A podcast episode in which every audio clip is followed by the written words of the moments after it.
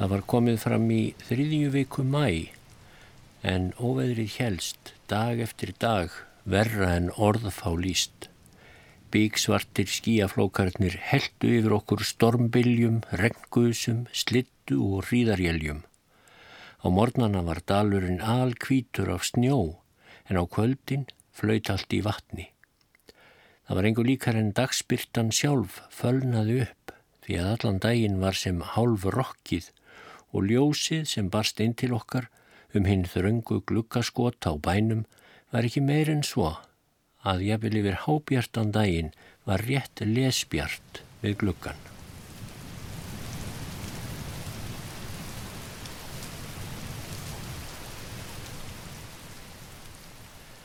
Þarna var, hlusnendur góðir, líst veðrinu í þriðju viku mæ í borgarfyrði á Íslandi. Ekki reyndar núna í ár heldur árið 1862 og lýsingin er upp úr bók sem breskur ferðalangur að nafni Shepard skrifaði og gaf út fimm árum síðar eða árið 1867. Shepard þessi er lít kunnur en hann verðist hafi verið fuglafræðingur eða náttúrufræðingur allavega og hann hafi komið hingað árið 1861 í föruneyti ferðalangsins Hollands sem skrifaði bókum Íslandsferð sína sem eru öllu þekktari en litla bókin sem Shepard skrifaði síðan um sína ferð. Sú bók hétt á frumálinu The Northwest Peninsula of Iceland eða Norðvestur skægi Íslands og eh, fyrir 40-50 árum þá þýtti Steindor Steindorsson frá hlöðum þessa litlu bók og hann segir í eftirmála að höfundurinn Shepard kynni verk sitt í formála frum útgáfunar á þessa leið. Aðal tilgangur minn með því að ferðast í annað sinn til Íslands en ég fór þangað fyrst 1861 ásand með Herra Holland. Aðal tilgangur minn var að kanna vestfyrði og vatnajökul Ég held að engin ferðamadur hafi fyrr reyndað kanna vestfyrði en ferðinni þangaðir líst í þessari bók og vatnajökul hafði engin kannad fyrir en við herra Holland reyndum að ganga á öræfajökul. Annar megin tilgangur ferðarinnar, held Shepard áfram, var að greiða úr ef mögulegt væri nokkur um fugglafræðilegum vafaatriðum og þess vegna eru í frásögnminni nokkur fræðsla um íslenska fuggla og hætti þeirra og heimkynni. Ísland er mjög sérstætt land sem á skilið meiri aðtigli en það hefur notið hingað til. Hálendi þess er næstum því algjörlega ókannað og ég held að það sé rétt að fram á síðustu ár hafa engin af háfjöllum landsins verið könnuð og klifin nema hekla og Eiríksjökull. Það voru margar sveitir og margir fyrðir sem engin hefur heimsótt og úr þessu vildi Shepard bæta og gerði á sinn hátt með bókinni um Íslandsferðina 1862. Og bókinan Shepards hefst á þessa leið. Sunnudaginn 20. apríl 1862 kvatti ég England á skipinu Arcturusi á samt vinum mínum H.M. Upcher frá Sherrington Hall í Norfolk og G.G. Fowler frá Gunton Hall í Suffolk. Við vorum tveimur mánuðum fyrra á ferðinni en upphaflega var ætlað en okkur var í mun að gera aðtuganir á fugglum á Íslandi sem knúðu á um að við kæmum svo snemma til landsins sem auðið væri. Við hlutum hagstæðan byr til Færeja og hinn 22. apríl komum við inn á hefnina í Þórshöfn. Þar var hleyft af nokkurum skotum til virðingar nýja landstjóranum eða amtmanninum sem var farþegi á Arktúrusi. Hér átti að verða einstags viðstaða svo við hugsuðum okkur að reyna að sjá eins mikið af færiðum og auðið væri á þeim tíma. Jafn skjótt og komið var í land flýttum við okkur eftir þeim eina stíg sem lág út úr bænum og prikuðum upp á fjallið sem lág til vinstri handar. Þaðan var ágætt útsýni og viða mjög fagurt um að litast engum til fjálsins og eigarinnar Koltúrs. Ég gæti hugsa mér að það væri ómagsinsvert að eigða svo sem hálsmánaðar tíma á þessum færisku slóðum. Við léttum svo akkerum í Þórsöfn 24. apríl og hinn 2005. sáum við kvíta tinda vatnajökuls og svo hinn 2007. lögðumst við á Reykjavíkurhöfn við höfuðstað Íslands. Fyrsta landsýnin var ekki sérlega hressandi. Veður var þungbúið og dimt í lofti. Við og við reyndu veikir sólargeislar að brjótast gegnum skíaþyknið, slittu og hríðarkolgu en voru jafnóðum hraktir brott af kvössum norðaustan vindi. Hvarvetna voru snjóskablar. Í landi sáum við að á nokkrum stöðum voru fáinir menn að býsa við báta sína í þeim tilgangi að komast út í skipið til að afferma það annars virtist sem enginn hætti sér út fyrir hústýr nema í brínustu nöðsin, svo að engu var líkara en Reykjavík væri auð og yfirgefin. Við fórum af skipsfjöl mánudaginn 28. apríl og settum stað í klubnum en svo kallast gistihús bæjarins.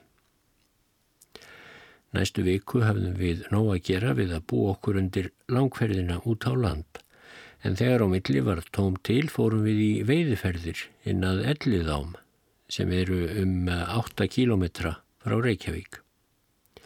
Í þeim ferðum urðu rjúpur, fiskiendur, toppendur, hýmsar aðrar andategundir og mávar bissum okkar að bráð. Við rendum einnig í árnar og fengum marga sílunga en lagsin var ekki gengin enn svo snemma vors. Kvöld nokkurt hendi það tvo okkar að við glimtum okkur svo við veiðarnar að við snýrum ekki heim fyrir en farið var að skikja og komið hríðarveður. Ekki var þó aldimt en rökkur skíman á samt snjódrífunni hjálpuðust að um að villa fyrir okkur. Vegurinn inn að ellið ám, því þangar líkur vegur, kvarf okkur. En við gáttum áttað okkur á steinaröðinni með fram veginum. Á Íslandi gera menn vegi með þeim hætti að ryðja steinum úr göttunni en ekki með því að steinleggja brautina.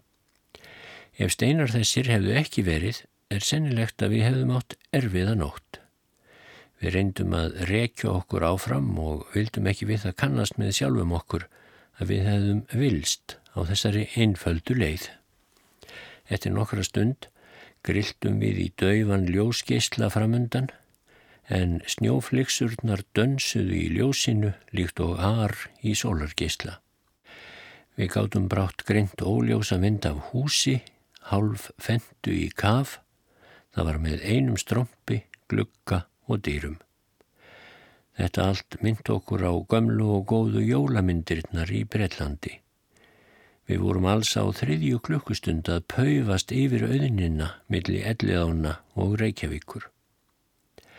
Þegar heim kom í klubbin hittum við félaga okkar þar sem hann satt snöggklættur og átti í hardri deilu við ungan háskólastúdent. Þessi ungi maður hafði ráðist á virki okkar í þeim lofsverðatilgangi að fórna sjálfum sér á alltari guðfræðilegurar kappræðu. Hann sagðist hafa komið til þess að láta háskóla lærða professora frá Oxford reyna kunnáttu sína í guðfræði. Við tókum á móti þessum mikla heidri með öllum þeim virðuleika sem stregabugsur, duggarapeisur og sjóhattar okkar lefðu en skýrskotuðum til þess hver framorðið væri en liðið var fastað miðnætti. Hins vegar letum við mannin lífa í voninum að við skildum taka beðni hans um guðfræði, rökkræður til aðtugunar næsta morgun. Að því búinu fjarlagðum við hann úr herbergjum okkar í kyrþei en þó ekki án nokkura erfiðis muna. Við heimsóttum nokkra gamla vini mína frá ferðinni árinu fyrr sem mjög fúslega gerðu allt sem í þeirra valdi stóð til að greiða ferð okkar. En engað síður voru þeir allir á einu máli um að við værim allt of snemma á ferðinni til þess að higgja á ferðarlag inn í landið. Á þessum tíma væri ekki und fyrir nokkun pening að kaupa hesta, að minnst að kosti ekki hesta sem mættu heita ferðafærir. Og þó svo ólíklega færi að hestar fengjust, þá væri hverki komin hægi handa þeim og ekki kemur til mála að flytja með sér hei. Vegirnir væru víðast hvar lokaður af snjóum og þar sem þeir væru auðir þá væru þeir ófærir vegna aurbleitu. Í raun réttri væri öll jörð en svo mettuð af leysingavatni sem ekki síi niður vegna þess að enn væri klaki í jörðu að allt væri eitt kviksindi. Þá væri ekki viðlit að fá fylgdarmann því enn væru allir kallmenn á vertíð sem annars gerðu sér slíkt að atfinnu yfir sumarið. Allar þessar óvæntu talmannir breyttu mjög ferða áallin okkar. Að lokum fór það svo að Ottur Gíslason, prestaskólakandidat sem ég hafi kynst á fyrri ferðminni til Íslands, bauðst til að verða feildarmadur okkar, þanga til Ólafur Stengrímsson sem fylgdi mér fyrra sumarið og var kunnur dugnaðar maður, losnaði úr sjóróðurum. Þegar í stað lagði Ottur upp og fórað Ytraholmi við Akranis, litlum bæ heinumegin við Flóan, til að reyna að útvega nógumarka hesta sem digðu okkur allavega upp í ofanverðan borgarfjörð, en þar hugðumst við dveljastum hríð og una við að veiða fisk og fuggla uns færtirði inn í landið. Ottur lagði svo af stað úr Reykjavík á föstu degi en mánudaginn næsta á eftir hófum við verð okkar. Ólafur sem fyrir var getið flutt okkur þá á bát sínum upp að Ytrahólmi. Þegar þangað kom fundum við okkur til mikillar ánægju að Otti hafði hefnast vel erindirekstur sinn. Hann hafði útveðað tólf hesta og lögðum við af stað með þá þegar í stað. Við lögðum svo leið okkar með fram sjónum og komum upp í Borgarfjörð 7. mæ og settum upp bækistöð nálagt bænum Þingnesi. Íslenskir sveitabægir eru undantekningalöst byggðir úr torfi að mestuleiti. Húsveggirnir eru um það byl metra þykir og stundum enn þykri en skörð eru skorin í þá fyrir glukkana. Venjulega eru aðeins eh, þrjárhlíðar húsana úr torfi en framhlíðin úr timbri. Þó eru sum hús algjörlega úr torfi og öll eru húsin með torf þaki. Tilsýndar líkjast bæirinnir að framann litlum hlöðum. Gablarnir snúa fram á hlaðið, lágar dyr eru gerðar á eitt þeirra miðjan en smágluggar eru settir líkt og af handahófi á hínastafnana. Vindhani er á hverri burst. Það er ekki létt að lýsa íslenskum bæjum að innan.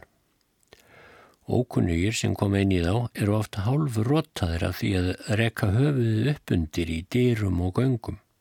Ég hef oft skriðið inn um dyr á íslenskum bæjum sem eh, ekki voru nema metra háar en venjulega hæðir ræðir um það byrja einn og hálfur metri. Inn úr útidýrinum er venjulega eitt eða tvö þrep nýður á óslétt rakt moldargólf, oft með smá pollum. Allt er koldimt og göngin eru ekki herri en svo að maður fær nömlega staðið þar uppréttur og ekki er heldur ofennjulegt að gesturinn reki nefið í hálfhertan þorsk eða flyðru sem hangir niður úr rjáfrinu í göngunum. Eftir að hafa gengið fáinn skref rekur gesturinn sig ófrávíkjanlega á þröskuld og innan við hann er komið í önnur göng, nákvæmlega jafn dimm og hinn fyrri en þau líka þversum svo gesturinn veit ekki fyrir til en hann rekur sig á vekkin. Stundum er þessi þvergöng bein en æfinlega er þeim svo háttað að annarkvort er golfið svo óslétt eða svo mishátt undir þakkið að gesturinn á ímist á hættu að rasa eða detta eða reka sig upp undir. Þvergöng þessi til vinstri og hægri liggja að bestu herbergjum heimilsins. Þau herbergi eru einn og halfur til tveir fermetrar að flatarmáli, þyljuð og oft máluð með mismunandi litum. Eitt þessara herbergja er gestastofa, þar er venjulega rúm með fjórum stöðlum í djúpu skoti í vegnum sem sparlök eru dregin fyrir á daginn. Undir glukkanum sem snýr út að skarði í vegnum stendur borð og einnig eru þarna tveir eða þrýr stólar og dragkista. Á veggjunum er lítill speill, fá einar danskar prentaðar myndir og stundum eina eða tvær hillur með bókum. Brennivínsflaska og tvö staup standa á dragkistunni eða í glukkakistunni. Golfið er einu þrepi herra en göngin. Loft er yfir þessum framherbergjum þar sem heimilisfólkið sefur. Sveploftin eru laung og lág, með veggjunum eru balkar, 50 til 60 cm háar sem fólkið sefur á. Stíin upp á loftið er oftast hættulegt skrapatól. Oft er það rimlastíi þar sem önnur hvor rim er annarkvortu laus eða brotin og þreyfandi myrkur er æfinlega í uppgöngunni.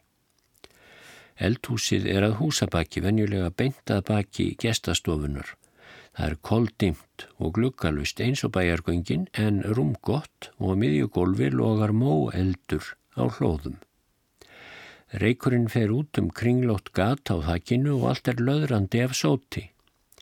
Heilmiklir hlaðar af mó og byrki eru í eldhúsinu og tværi að þrjár skjólur standa þar fullar af vatni.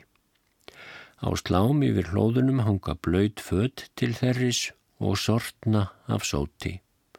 Auk eldhúsins eru svo önnur geimsluhús og svefnklefar, öll þreyfandi dimm en þefurinn af harðfiski og hálfreiktu kjöti, kæfandi reykjarsvæla, margra ára samsapn af rusli og óhreinindum, ásamt hættunni á að brjóta haus eða háls, læknað okkur algjörlega af forvitninni á að skiknast um í þessum skuggalegu vistarverum. Bóndinn og fjölskylda hans, vinnumennirnir og þeirra fjölskyldur býr allt undir sama þakki. Ekkert sem kalla má verkamannakofa eru til á Íslandi. Í rauninni er sjaldgeft að tvö eða fleiri íbúðarhús standi saman nema í hinnum litlu kaupstöðum eða verstöðum. Allt heimilisfólkið matast saman og virðist lifa við sömu kjör. Á vetturna, í fjóra eða fimm mánuði alls, fara menn sjaldan nokkuð nema milli bæjar og út í húsa þar sem kýr og söðfje er hýst. Þessum veslingsskepnum er tróðin í kofa sem líkjast stórum aflaungum moldarryggjum með litlum dyrum á öðrum endanum. Gluggar eru engir en á öðrum gablinum er laus torfa sem tekin er burt þegar velviðrar svo að lítilsáttar ljós og loft kemst inn til dýrana. Nokkur slík hús heyra til sérkverju bændabíli og forinn og sóðaskapurinn umhverfist þau er sannarlega ægilegt. Þingnesbærin stendur á litlum þurrum holma mitt í víðáttumiklum fennjum og flóum. Bærin er á tanga sem verður millir kvítár og grímsár og er hann nálagt hálri mílu frá ármótunum. Landi jarðarinnar næri yfir nokkura mílna langt mýrlendi með fjölda grunnra tjarnar sem verða misjaflega stórar eftir veðurfari. Í vatnavöxtum og leysingum verður bærin stundum eins og umflotin eiga. Mýrarnar eru nú þaktar móleitu grasi sem sagt er að sé ágætt kúafóður. Staðurinn liggur framúrskarandi vel við föglafeyðum. Í júnímánuði ár hvert fyllast árnar af laxi og árlega eru um tíu tonn af laxi flutt hérðan til Englands af Mr. Ritchie frá Peterhead sem stopnaði niðursöðu verksmiðju fyrir lags í Borgarnesi 1858. Við notuðum hefði dimma eldhús í Þingnesi eða staðaldri því að á hverju kvöldi hörfum við þangað til að sjóða kvöldmattin en við lifðum nær engu á fiski sem við veitum sjálfur. Íslenskur matur er ekki sérlega gyrnilegur. Aðalfæðan er harðfiskur, rúbröð og skýr sem er eins konar súrmjölk. Smjör er gert úr sögðamjölk á sumrin og gemt til vetarins í belgjum. Nýtt er það mjög bræðgott en þegar kemur fram á vorið er það að okkar dómi þrátt úr hófi fram. Lambakjött er saltað á sumrin en verkunin er léleg svo að því leggur megnan ódöin. Nautakjött er sjálfséð en ef það skildi sjást á borðum má nokkur meginn fullir það að það sé af gamalli kú. Ég held að fá einn svín séu til í landinu en ég sá þau aldrei. Harðfiskur er aðal fæða fólksins, langa og þorskur eru eftir sótustu fiskarnir. Fiskurinn er klófin eftir endurlöngu og hengdur á snúru eða breyttur á ströndina þar sem sól og svalur vindur leikur um hann. Við þessa aðferð gjörð hornar hann svo að hann geimist óskemdur árum saman og heitir þetta sem sé harðfiskur. Það er ómögulegt að borða þennan fisk nema hann sé fyrst barinn rækilega með eins konar sleggju á flötum steini. Sleggjan er stein sem gerður hefur verið nöttóttur en í gegnum hann miðjan er gert gat fyrir skaftið. En jafnvel þótt fiskurinn fái þessa meðferð þá þarf samt íslenskar tennur og dug til að vinna á honum. Harðfiskur og smjör er hinn venjulegi miðdegismatur á Íslandi. Þegar búið er að berja fiskin er hann skorinn eða rifin í lengjur hæfilega langar til að stinga upp í munnin. Smjörinu er ekki drepið á fiskin, heldur taka menn sinn bitan af koru til skiptis. Algengasta brauðið á Íslandi eru þunnar rúgkökur sem bakaður eru á rist eða pönnu. Þetta eru kallaður kökur og smakast vel meðan þeir eru heitar og stökkar en geimast íla. Ekkert korn vex í landinu en í skjóli við sumabægi eru smá matjurtakarðar. Þar rækta menn kartöblur, kál og rófur en ekkert af þessu dafnar vel eða nær verulegum þroska. Helstu innflutningsvörur til Íslands eru rúur, rísgrjón, kaffi og sikur. Þessar vörur eru til á hverjum bæ. Kornbrennivín er þjóðardrykkur og neftópak nöytnalif almennings. Meðan við dvöldumst í Þingnesi keftum við nokkra hesta til viðbótar á nágrannabæjunum. Fréttin um komu okkar hafði borist á undan okkur og að okkur vantaði hesta. Okkur voru síndir margir bestu hestarnir í Reykjóldsdal. Eftir nokkra daga dvöl í Þingnesi fluttum við okkur lengra upp í dalin að Reykjóldi. Við hugsuðum sem svo að þar væru við komnir nær hálendin og gætum fengið þar hald betri fróðleikum það og þá erfiðleika sem í vandum væru. Höfuð og skokkar var að komast sem fyrst upp í heiðalönd þau sem kallast Arnarvatnsheiði og eru vestur hlutin af megin hálendi Íslands. Það var talið að þar væru varplönd margra fuggla sem mönnum var lít kunnugt um hvar heldu sig á sömrin. Rauðbristingur, sanderla, grágæs, akurgæs og heiðagæs voru öll talin meðal innbyggjara þessara eigðilegu og hrjóstrugu heiða og við vorum staðaráðunir í að verja nokkrum dögum þar efra um varptíman til að ganga úr skuggum hvort þessar tilgátur væru réttar ef þess væri nokkur kostur. Þegar í Reykjold kom reistum við tjald okkar á hæð sem heitir Snorra virki. Þar var mjög áveðra en hins vegar eini þurri bletturinn í dalnum því bæði dalbotnin og hlýðarnar eru einn mýra svakki. Hæð þessi er eins konar hali út úr hæðarbungu sem Reykjólds bærin og kirkjan standa á. Norðaustan undir þessari hæð er snorra laug. Hún er kringlótt um 5 metrar að þörmáli og hlaðin upp úr högnum steinum. Í upphafi var bæði heitt og kallt vatn leitt í hana eftir stokkum. Heita vatnið var fengið úr sjóðandi hver sem skribla heitir. Stokkarnir eru í umgunarverðu ástandi og þjón ekki lengur því hlutverki sem þeim var í upphafi ætlað. Kallt vatn rennur ekki lengur í laugina og heita vatnið kemst ekki úr henni því afrensli stokkurinn er hrunin saman. Þannig er korki hægt að tæma laugina nýja hreinsana. Hún er nú einungis notuð til að skóla úr óhreinum fötum. Vatnið í lauginni er um 65 gráðu heitt en réttæpar 100 gráður í skriblu. Snorri Sturluson lifiði á 12. og 13. öld. Hann var ríkur íslenskur höfðingi og Reykjolt var höfuð setur hans. Á sunnudaginn var bjart og besta veður. Margt fólk kom þá til kirkju. Úr tjaldirum okkar sáum við inn eftir endilöngum heinum ömurlega dal og hvernig kirkjufólkið kom úr öllum áttum og gaf landslæginu líf.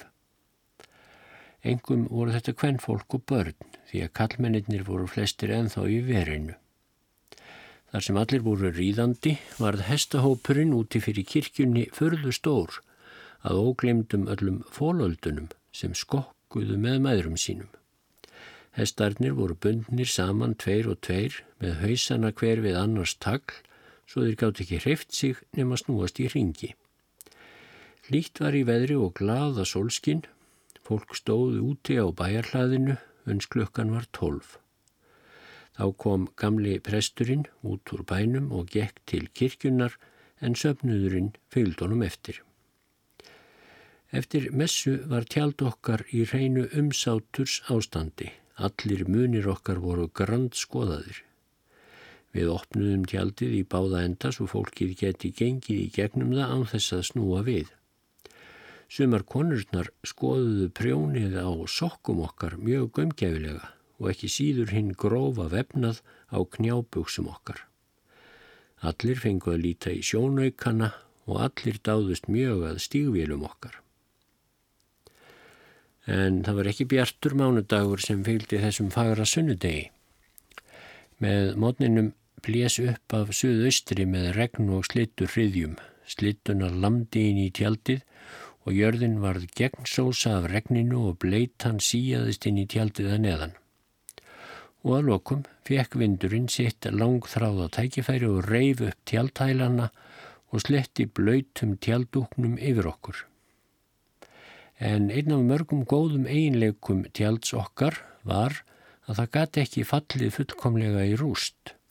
Þóttu vind hlýðin leti undan veðurofsanum þá stóða samt að mestu.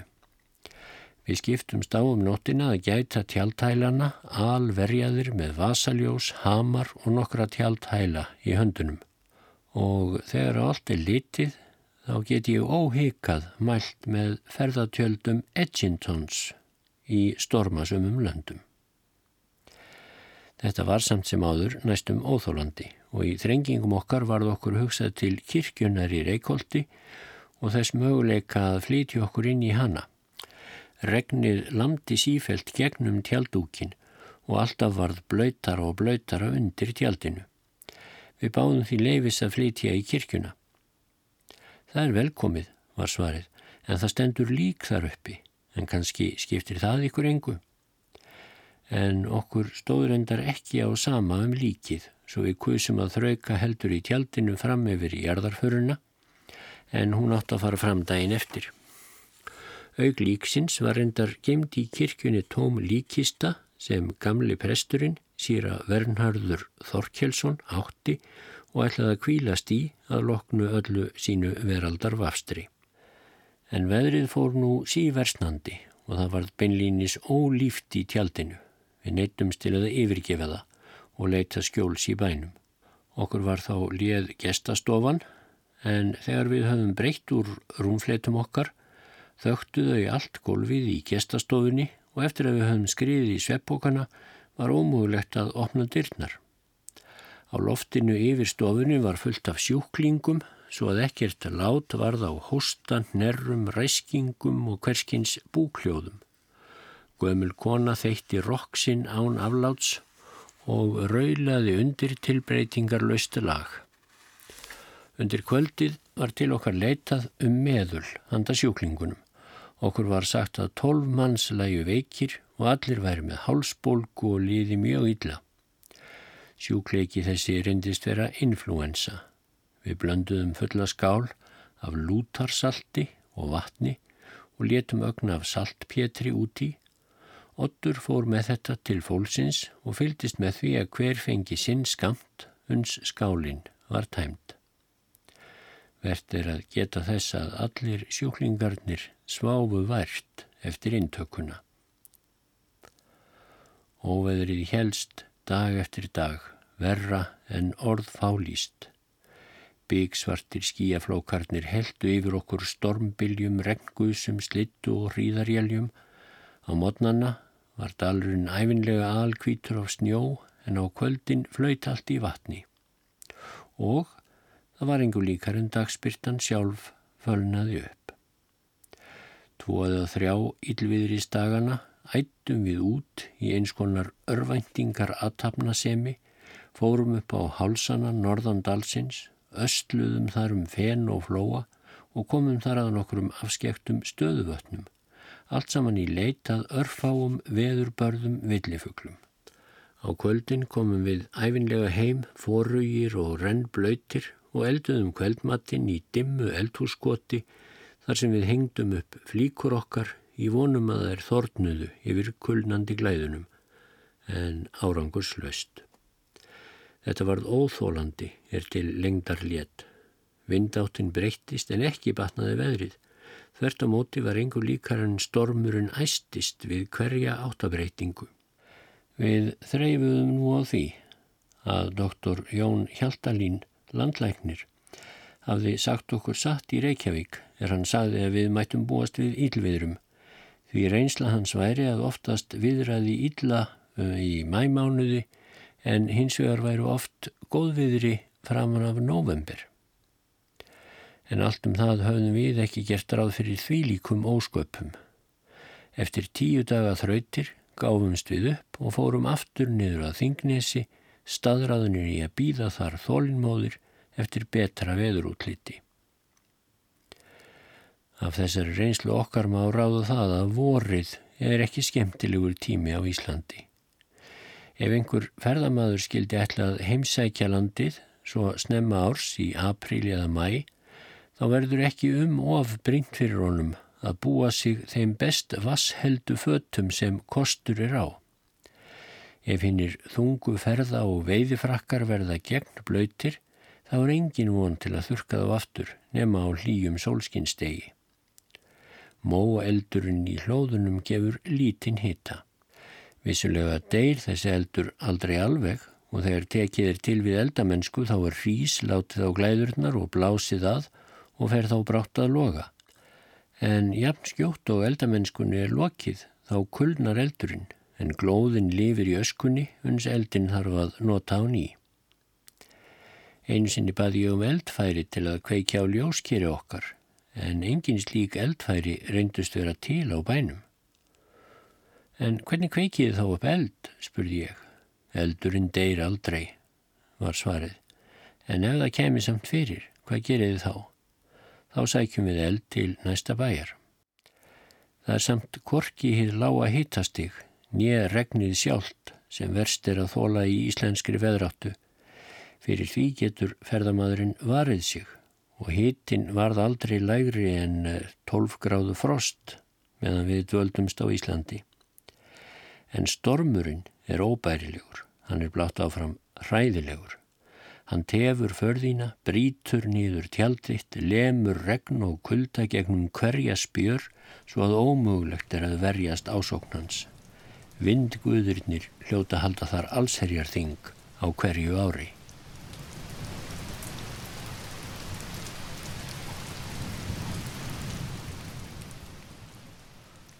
Það má geta þess að ef einhver skildi ímynda sér að hinn enski ferðarangur Shepard hafi verið að íkja svo litið hver veðrið var vond á Íslandi vorið 1860 og 2 þá segir Þorvaldur Tórótsen svo frá í bóksinni Árferði á Íslandi um sömarið þetta 1862 og hefur tekið saman úr annálum og öllum helstu upplýsingum sem fáanlegar eru. Hann segir veðrátta var víðast mjög köld með grasbresti miklum á túnum og útjörð og mátti valla heita að lign eða eðlilega hlýr dagur kæmi fram í miðjan júli. Kom valla svo nótt um sumarið að ekki veri frost til fjalla og fremst til dala í borgarfyrði voru svo mikil næturfrost að mýrar voru víða mannheldar fyrir sólaruppkomu og sumstaðar var ekki stungu þýtt í kálgörðum fyrir júnilokk. En Shepard heldur svo áfram frásögn sinni. Við fórum aftur að Reykjóldi frá Þingnesi 27. mæ. Þá var glada sólskinn. Veginnir voru nú betri en áður og hestarnir einnig í betra standi. Ólafur Stingrímsson hafði nú lokið vertíðinu og var komin til okkar á samt bjarna, ungum og sérlega duglegu manni en þeir átt að verða fylgdarmenn okkar í framtíðinni. Veginnir á Íslandi eru mjög vondir og raunverulega ekki nema nafni tómt. Þegar sagt er að vegur líki millir einhverja staða þá er það einungis málvenja sem merkir það eitt að hægt sé að komast þetta. Til heiða á fjalla er vegurinn það eitt að þræða stistuleið milli strjálla steinvarða. Í byggðum, lálendi og dölum eru vegirnir einn eða tveir samsíða göttuslóðar. Sumstaðar, þar sem jarðvegur er djúpur og umferð mikil, þar verða göttuskorningarnir smám saman of djúpir til að undsi að fara eftir þeim. Þá er nýr stígur lagður við hlið þeirra eldri. Þannig fjölgar tróðningunum smám saman. Ég hef á einum stað talið 16 samhliða göttur sem var mjög djúpar. Hestarnir stíka eftir þessum þröngu skorningum og taka ekkert tillit til þess þótt líkþornin á fótum ferðamannana rekist sífelt í þúfur og steina hýmist til hægriða vinstri. Stundum krækjast fæturnir í víðitágar sem likja berar eftir að gatan hefur tróðist niður. Í rigningum verða götturnar að farvegum sem regnvatnið streymir eftir niður halla og hlýðar. Snemma morgun einn var mikil síning á hlaðinu í Reykjóldi. Allir hestar okkar og fararbúnaður var grand skoðað. Hestarnir, 26 að tölu, voru reknir fram hjá okkur í mist hægt eða hratt og að lokum voru þeir allir, þar af 11 undir klifjum, reknir hratt að grjótgarði þar sem aðeins eitt hlið var á og það svo þröngt að einungis einn hestur komst í gegn í einu. Þar varð geysilegur tróðningur en árangur af tilrauninni var góður því einungis ein klif skemmtist svo að ljóst var að hér var vel um búið. Hér á það við að benda ferðamönnum á að mjög mikilvægt er að ganga vel frá farangri í íslenskum ferðakoffortum en það fá menn einungis lært af reynslunni. Það er ótrúlegt hví lík vandræði og rugglingur geta skapast á einum ferðardegi í kofforti sem annars sínist í fyrstu að vel sé frá gengið. Ferðamenn rekka hesta sínaði jafnaði og eru hestarnir með sífæld ólæti, býta og slá hver annan og rekka klifjarnar í þúfur og kletta á hinn skemmtilegasta hátt. Sífælt þarf að nema staðar til að laga klifjar eða girða á hestunum. Í fararbyrjun verður að ganga svo frá hverjum hlut að ekkert geti hrifst í ferðakoffortunum og sérstaklega skal geta að því að vefja ekki tjaldhæla innan í tjöldin því að afleiðingar þess geta orðið hinnar verstu rífur á tjaldoknum. Þetta gefur hugmyndum það hversu erfitt og vandasamt það er að búa upp á íslensku hestana á hverjum ferðamorni. Þennan dag yfirgaf Ottur Gíslason okkur. Okkur þótti leitt að skiljast við hann því hann var kátur og skemmtilegur félagi. Hann hafði einnig unnið okkur ómetanlegt gagn við að útvögu okkur hesta og ekkert færi látið ónotað í þeim tilgangi. Oft fór hann langar leiðir til afskektra bíla í versta veðri ef von varum að ná þar í hest. Allt þetta var nottur til þess að við mættum verða sem best búnir að hestum áður en hann skildi við okkur. Það var því engöngu honum að þakka að við vorum svo vel búnir undir langferðina. Við lögðum svo á stað frá Reykjóldi um nónbíl og komum að Kalmanstungu um kvöldið. Við reistum tjald okkar í túninu en tún kallast afgirt grasigróið svæði umhverfi spæina á Íslandi. Um túnið er oft gardur úr torfi og grjóti en sjaldan er þau meir en tíu ekrur að flatarmáli og oft ekki nema tvær til þrjár ekrur. Yfirborð er með þjettum þúfum sem minna á leiði í kirkjugarði. Það er þreytandi að ganga um þessi tún því lautirnar eru oft rúmur hálfur metri á dýft. Ég held að þessar þúfur verði engum til vegna áhrifa leysingavatns. Túnin njóta þeirrar umhyrðu og ábyrðar sem bóndin getur í tíalátið. Þau Þau eru varin fyrir ágangi búfjár af 5-6 hundum. Hundarnir ráðast með grimdar gelti gegn hverri kind eða hesti sem hættir sér inn á hérna helgu grund, bæjartúnið. Bóndin í Kalmanstungu, Stefán Ólafsson, gaf okkur þrjú áltaregg til kvöldverðar. Stungi var gat á hvert þeirra og innihaldið hrært upp með treprjóni. Síðan voru þau í sóðin og reyndust besti matur. Einn félaga minna líkti þeim við eggja búðing. En þegar við vorum um það byrjað ljúka eggjunum gerðum við óhugnanlega uppgötfun. Gerðarlegur fótur með sundfitt kom upp í einn okkar og úr skeið annars starði stórt opið auga á hann á óviðfeldin hátt.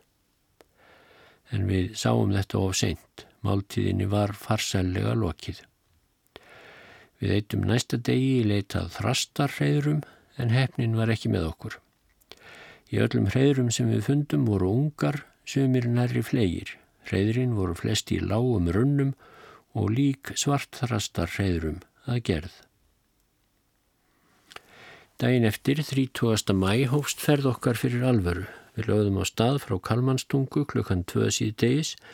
Það var orðið bísna framorðið að leggja af stað í langferð á þeim tíma dagsins en við vorum í landi bjartnættisins þar sem svo hagar til að þótt sólinn hirfi undir fjöllin í norðri þá var það einungist til að koma upp aftur nokkrum mínútum síðar og varpa enn bjartari geyslum á rósrauðan morgunhiminin. Í svo hrikalegu strjálbílu og auðu landi þá er það huggun og traust ferðamannsins þegar hann bríst áfram um mýrlendar auðnir og ótræði að nóttin getur þó ekki gliftan. En eitt er það þó sem oft skikir á ánægjuna af þessum björtu næturtímum, engum þó til fjalla, en það er þokan sem stundum verður svartari og villugjarnara í enni en náttmyrkrinu sjálfu. Klukkan fimm komum við að Surtshelli. Hellismunarnir voru fullir af snjó og klaka, svo bæði var erfitt og eigi hættu laust að freista engu-engu í hellin. Okkur vantaði einnig ljósfæri og blís, svo ókleift var með öllu að kanna hellin nokkuð. Nokkur frá Surtshelli fórum við yfir Norðlingafljót og loks náðum við í áfangastað við norðaustur enda Úlfsvatns eftir sextunda ferðalag sem vægasagt var ægilegt. Við, við urðum að brjótast með lestina gegnum þau ömurlegustu og torfærustu fen og foræði sem ég hef nokkuru sinni séð, en það voru hestarnir íla á sig komnir þegar loks var náði áfanga stað.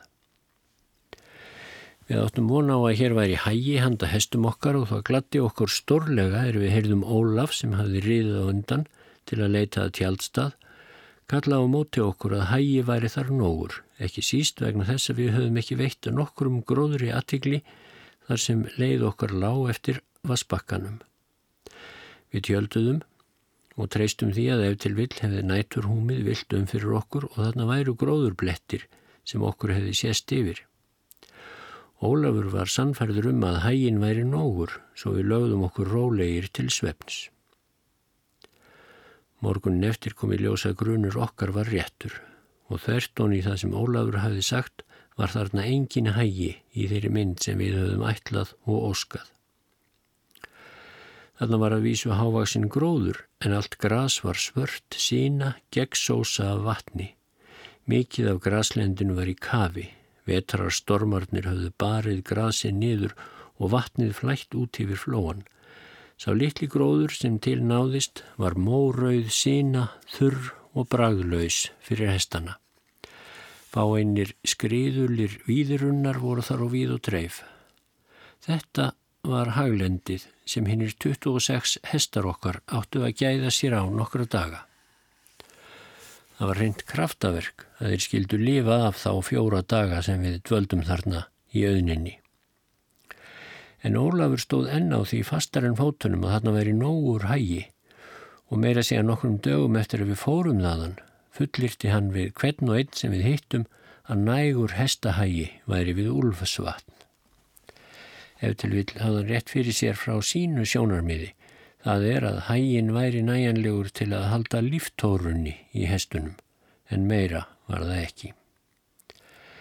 En allt um það fögnuðum við því að vera nú komnir í hjartastað heiðarinnar, svo við byggum okkur til dvalar þar eftir fengum. Við reistum hlóðir úr stórum steinum, tókum upp úr koffortum okkar og byggum vel um okkur í tjaldinu. Setni part dagsins tókum við að kanna auðinirnar um hverfis tjaldstaðin.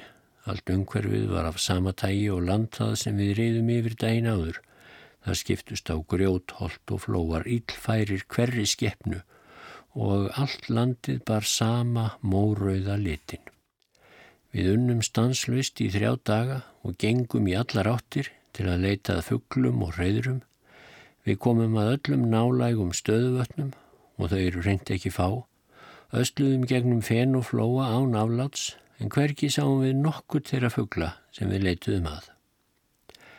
En þá var mikill ís á flestum vötnum og öll voru þau kaugruð með hávöxnu, brúnu, grasi, ef gras skildi kalla. Þannig var merð af áltum. Við fundum mörg hreyður þeirra sem fugglarnir sátu enn á. Áltarhreyður eru auðfundin, jáfnvel úr fjarlagð því þau eru nær þryggja feta háar dingjur gerðar úr grasi, leir og víðikræklum. Á flestum vötnunum voru duggendur, hávellur og fáinar urtendur, einnig himbrímar og lómar. Á úlsvatni var merð af svartbökkum sem verpa í smá hólma í vatninu og átum við mikið af veggjum þeirra. Í mýrum og flóum sáum við sendlinga og fáina lóðræla og þar sem þurrara var og grítara rákunst við á nokkrar rjúpur. Annað sáum við ekki af föglatægi, nema ein guðlandarhjón en reyður þeirra varð okkur að bráð. Sennilega höfum við verið ofsnemma á ferðinni til að finna sanderlu og rauðbristing en það þótt allir þeir fugglar sem við fundum hefðu þá þegar orpið. Ólafur hafði fengið netaðláni í kalmanstungu Í það veitum við bæði urrið og bleikju í úlfsvatni. Bleikjan var mjög lostætt og minnir á lags. Eftir þrjá daga vorum við uppgefnir á að flækjast um þessi íslensku eigðilönd. Stöðugt helst stormur, rigning og slitta og einn daginn var veðrið svo ílt að við gáttum ekki einu sinni kveikt eld. Þetta var skuggalegt og ömurlegt pláss. Hinn voldugi ísbreiði Eiríksjökuls starði á okkur án afláts með helkvöldum svip. Leðsögumadur sem við höfum beðið um í Reykjóldi kom til okkar á fjörða degi og við ákváðum að koma okkur burt án tafar.